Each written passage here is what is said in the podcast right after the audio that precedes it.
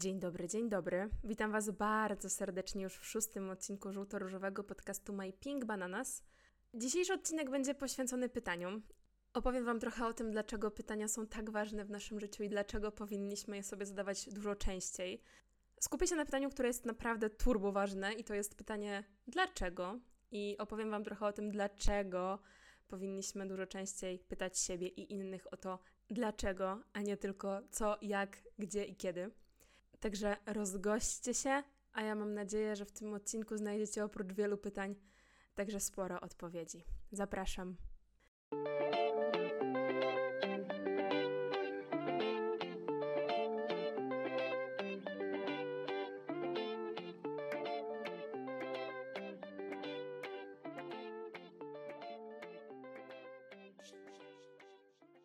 Słuchajcie, no nie wiem jaka jest u Was teraz e, temperatura za oknami, jak słuchacie tego odcinka, ale u mnie jest jakieś 30 stopni.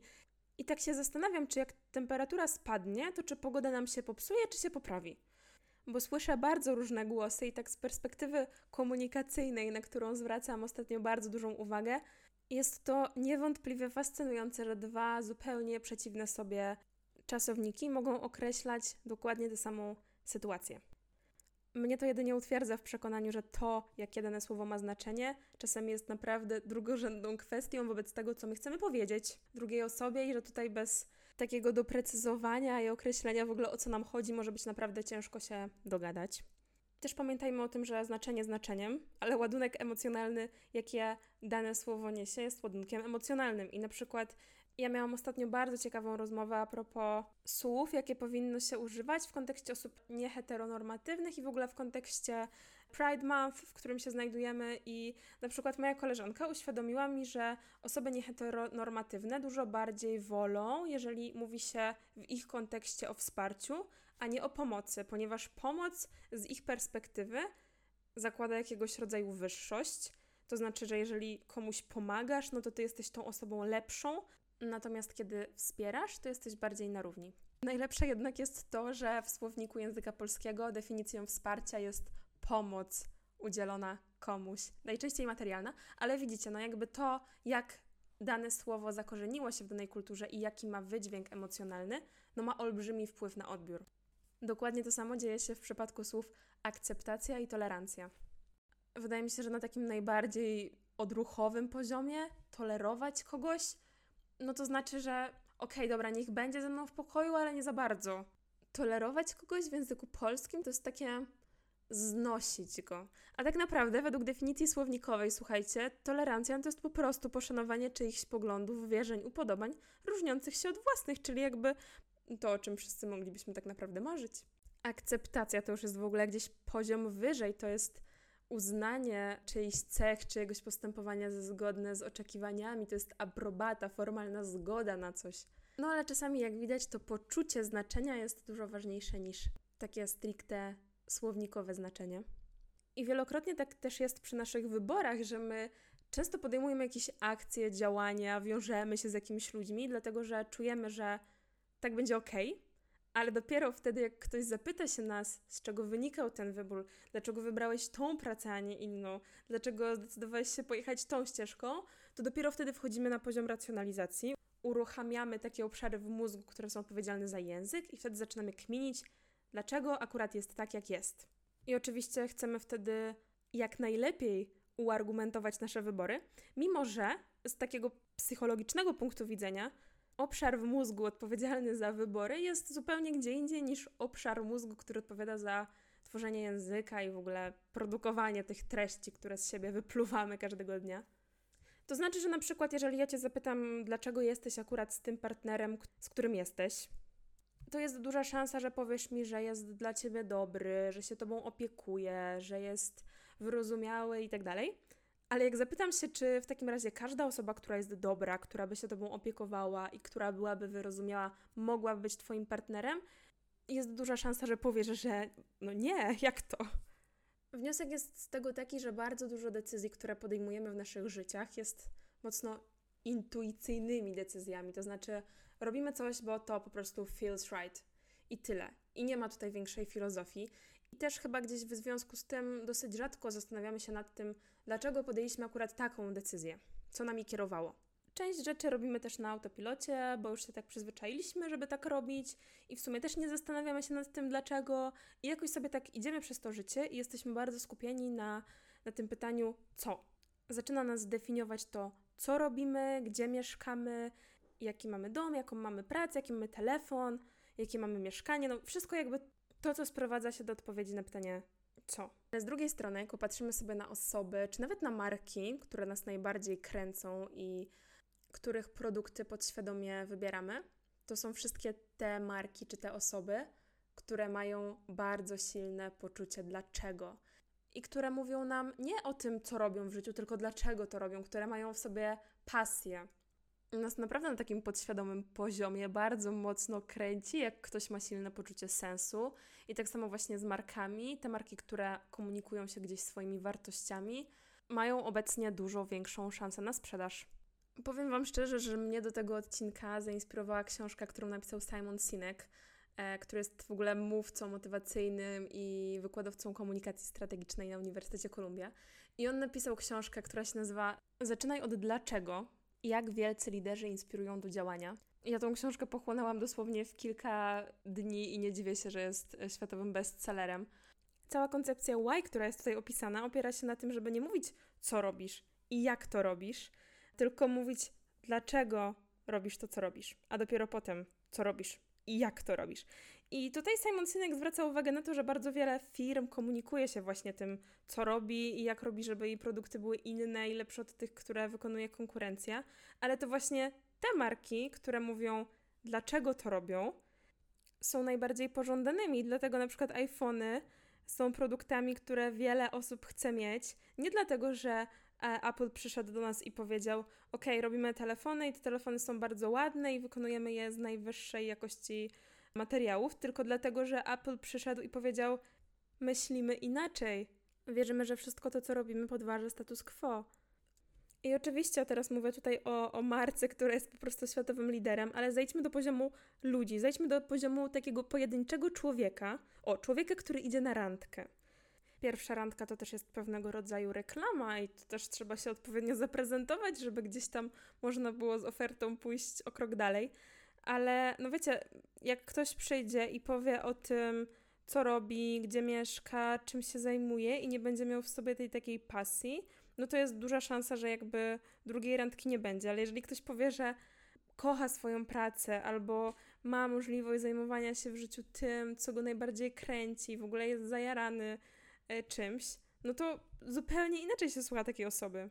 Albo wręcz przeciwnie, powie nam, dlaczego nie lubi swojej pracy i co jest tym prawdziwym czymś, w co wierzy i co chciałby robić w swoim życiu, i co jest jego pasją, zajawką, i dlaczego ma aż tak duży pociąg do tego, co robi popołudniami na przykład. Ja tym dzisiejszym odcinkiem chcę Was trochę zainspirować do tego, żebyście zastanowili się nad tym, jakie jest Wasze dlaczego nie tylko nad tym, czego potrzebujecie, ale dlaczego tego potrzebujecie, dlaczego wydaje Wam się, że tego potrzebujecie. Jak sobie tak patrzę na ludzi, to znaczy no, w czasie pandemii nie za często sobie patrzę, ale jak przypominają mi się te zapchane autobusy, w których było mnóstwo ludzi, jadących nawet do tej samej korporacji, do tych samych budynków, no to przecież my jesteśmy do siebie strasznie podobni. Ale każdy ma inne dlaczego i to jest fascynujące. Pytanie dlaczego jest też bardzo interesujące pod tym względem, jak zaczniemy się siebie pytać na przykład czasami, dlaczego się wkurzamy, albo dlaczego akurat tego dnia jest nam tak dobrze, co się wydarzyło takiego, że jest nam lepiej niż kiedy indziej, bo my mamy tak dużo zakorzenionych, różnych, dziwnych przekonań w sobie, że czasami naprawdę trudno jest rozróżnić to, co jest nasze, a to, co gdzieś tam jest normalne z perspektywy społeczeństwa na przykład. Albo co jest normalne dla Twoich znajomych, co jest normalne dla Twojej rodziny, a może nie do końca jest normalne dla Ciebie. W ogóle słowo normalny, normalnie, to też jest bardzo ciekawe słowo. Według słownika języka polskiego normalnie to znaczy tak, jak powinno być, ale też zwyczajnie, przeciętnie, naturalnie. No, normalny to jest taki, jak powinien być, najczęściej spotykany, mający wszystkie przypisane sobie cechy, typowy. Ale na przykład z drugiej strony mamy bilet normalny, czyli znaczy, że pełnopłatny, ale czy to oznacza, że bilet ulgowy jest nienormalny w tym przypadku? Albo mamy kremy do skóry normalnej, I też gdzieś tam była chyba jakaś akcja, afera autospora, że w takim razie czy skóra tłusta, mieszana, wrażliwa, sucha są skórami nienormalnymi. Normalny to też jest takie słowo, które możemy rozumieć bardzo pozytywnie, ale też bardzo pejoratywnie. Możemy powiedzieć komuś, że jest nienormalny, że jest wariatem czy wariatką, ale możemy powiedzieć też, że jest tak mądry, że to nie jest normalne. Byłam ostatnio nad Wisłą i jeden tata, chyba tata, krzyczał do syna, chyba syna, żeby zachowywał się normalnie. Ja już chciałam tam podbiec i powiedzieć, żeby sobie posłuchał e, podcastu My Pink Bananas i odcinka o konkretach, no bo co to znaczy, że masz się zachowywać normalnie? No to jest dla każdego inne i dlatego znowu czasami jest tak trudno nam się dogadać, dlatego że nasze normy są trochę inne. Też pamiętam, jak mieszkałam kiedyś z koleżanką w jednym mieszkaniu i zazwyczaj nie robiłyśmy sobie nawzajem zakupów. Nasze sfery w lodówce były dość wyraźnie oddzielone, ale pamiętam, że któregoś razu poprosiłam moją współlokatorkę o to, żeby kupiła mi mleko. I ona się zapytała, jakie. Ja mówię, no to jakie? No normalne. Ale okazało się, że jej normalnym mlekiem to jest mleko 3,2% e, e, powiedzmy łaciate, a moim normalnym mlekiem było e, mleko sojowe Alpro, więc jak widać, punkt widzenia zależy bardzo mocno od punktu siedzenia. Ja też często mam takie rozkminki, na przykład w gabinecie dentystycznym. No jak można być dentystą? No jak można codziennie przychodzić do pracy i grzebać ludziom w zębach? Ale teraz tak sobie kminię, że po prostu to musi być bardzo silne. Dlaczego ze strony tego lekarza i jakby decyzja nie wynikająca z tego, że on chce robić to, tylko dlaczego on chce to robić? Powiem Wam, że ja też się zaczęłam zastanawiać nad sobą, dlaczego ja to robię, dlaczego ja nagrywam te podcasty i co jest moją misją w tym przypadku. Na razie z moich rozkminek wyszło tyle, że mam chyba takie poczucie, że gdyby więcej osób myślało tak jak ja, no to że żyłoby im się trochę łatwiej. Nie, tak serio, to ja w tych podcastach jestem dużo mądrzejsza niż na życie i też chciałabym stosować te wszystkie wskazówki w życiu, ale sama też dużo się uczę.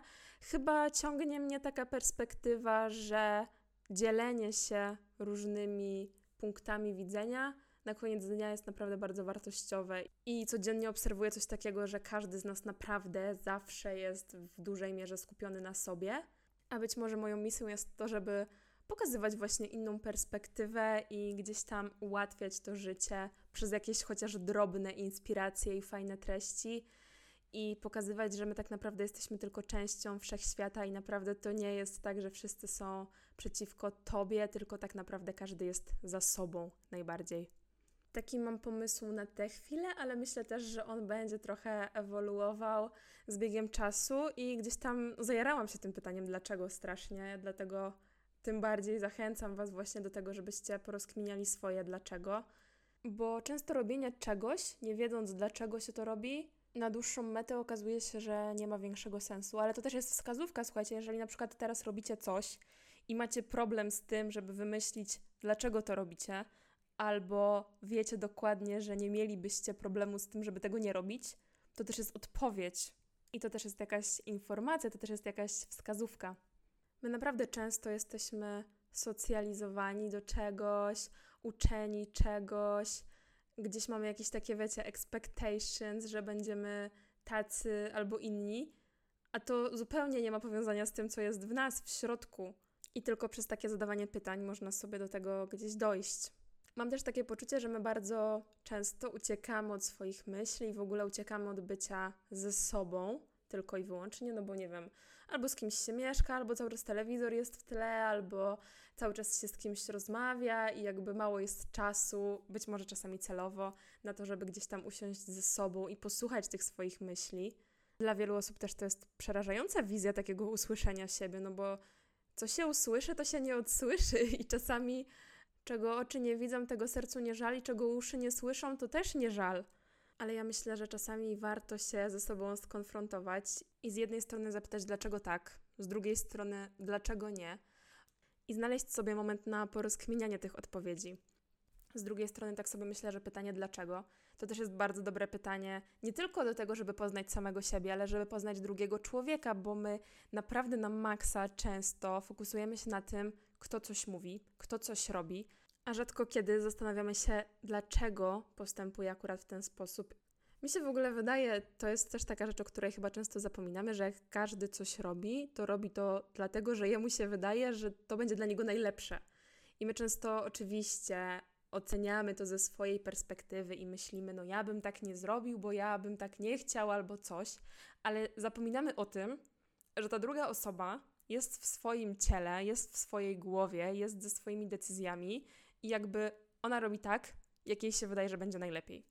Często jest coś takiego, że na przykład jak ktoś nam nie odpisuje na wiadomość, to my od razu myślimy, że ktoś nam nie odpisał, bo nas ignoruje, bo nie chce nam odpowiedzieć i tak dalej. A często jest tak, że na przykład jak my komuś nie odpowiadamy, no to dlatego, że no nie wiem, nie mamy w tym momencie ochoty, albo jesteśmy zajęci czymś innym, albo ja często tak mam, że zamiast odpowiedzieć na przykład jednym słowem, to wolę odpowiedzieć e, chwilę później, ale gdzieś tam napisać tą wiadomość, która będzie faktycznie skupiała się na odbiorcy. Ale znowu, no, myślenie przez swój pryzmat często przejmuje nad nami kontrolę. A wracając jeszcze na chwilę do słów, ostatnio jak zastanawiałam się nad tym, dlaczego akurat podcast, dlaczego mówienie, dlaczego taka forma przekazu, dlaczego taki temat, dlaczego ta komunikacja jest czymś, co tak bardzo mnie kręci, uświadomiłam sobie chyba, że mam taką silną wiarę w to, że naprawdę każdą historię i każdą sytuację można opowiedzieć bardzo wieloma słowami. I to, o czym też Wam mówiłam już na początku, że mi się wydaje, że te słowa, których używamy, mają naprawdę olbrzymi wpływ na to, jak się w ogóle czujemy. I o tej samej sytuacji dokładnie można powiedzieć, że jest porażką, albo można powiedzieć, że jest doświadczeniem, że jest lekcją, i już w zależności od tego, jakiego słowa użyjemy, zmienia się trochę nasza percepcja. I ja mam taką tendencję w ogóle bardzo silną, nie wiem, czy sobie to jakoś wypracowałam w ciągu życia, czy też miałam jakieś predyspozycje biologiczne do tego, żeby myśleć w ten sposób, ale ja bardzo wiele doświadczeń, nawet takich, wiecie, no super trudnych, czuję przez pryzmat właśnie tej lekcji. I ostatnio jak zobaczyłam, że Justyna Mazur pisze książkę o tytule chyba wszystkie moje końce świata, czy moje końce świata, coś takiego, to też pomyślałam sobie, kurczę, jaka to jest silna perspektywa, że coś definiujesz jako koniec świata, co teoretycznie, według definicji słownikowej, oznacza potencjalny, różnie wyobrażony proces zakończenia istnienia świata. A dla kogoś w danym momencie jego końcem świata może być jakieś wydarzenie, które właśnie się przytrafiło. Słuchałam ostatnio TED Talka, którego prowadziła Celestia Headley. Ona jest amerykańską dziennikarką radiową, autorką książek. W swojej karierze przeprowadziła bardzo dużo rozmów i wywiadów. I na stronie TED.com jest dostępny TED Talk, który się nazywa 10 sposobów na lepszą rozmowę, który bardzo gorąco Wam polecam. Ma ponad 24 miliony wyświetleń. Moją uwagę zwrócił przede wszystkim jeden sposób, który mówi o tym, żeby zakładać, rozpoczynając jakąkolwiek rozmowę, że możemy się z niej czegoś nauczyć i że każdy, kogo spotykamy na swojej drodze, wie coś, czego my nie wiemy. I tak sobie pomyślałam, że o ile jakby w przypadku być może rozmawiania z innymi ludźmi, jesteśmy w stanie trochę wyrobić sobie takie poczucie, że okej, okay, podchodzę do tej rozmowy z taką otwartą głową i spróbuję dać osobie przestrzeń do tego, żeby pokazała mi, w czym ona jest ekspertem, albo żeby opowiedziała mi o rzeczach, o których ja nie mam pojęcia. Ale tak sobie teraz głośno myślę, czy bylibyśmy w stanie zastosować takie podejście do siebie i na przykład założyć, że w sumie każdego dnia możemy czegoś się dowiedzieć w sumie z obserwowania swoich zachowań i obserwowania swoich myśli?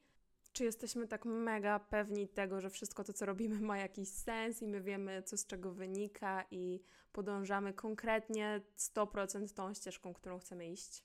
Ja też nie twierdzę, że trzeba wszystko wiedzieć i że trzeba wszystko sobie racjonalizować, dokumentować i uargumentowywać, ale jak jest coś takiego, co nam się nie podoba, albo wręcz przeciwnie, coś takiego, co nas naprawdę na maksa zachwyca, to chyba fajnie wiedzieć dlaczego.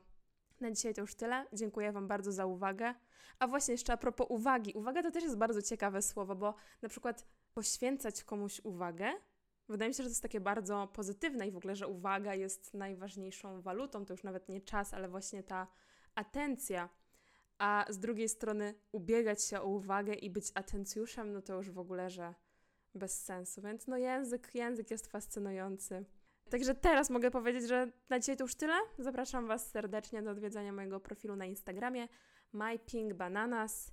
Trzymajcie się gorąco, jeżeli lubicie gorąco, a jak nie, to chociaż ciepło, komfortowo i do usłyszenia w kolejnym odcinku.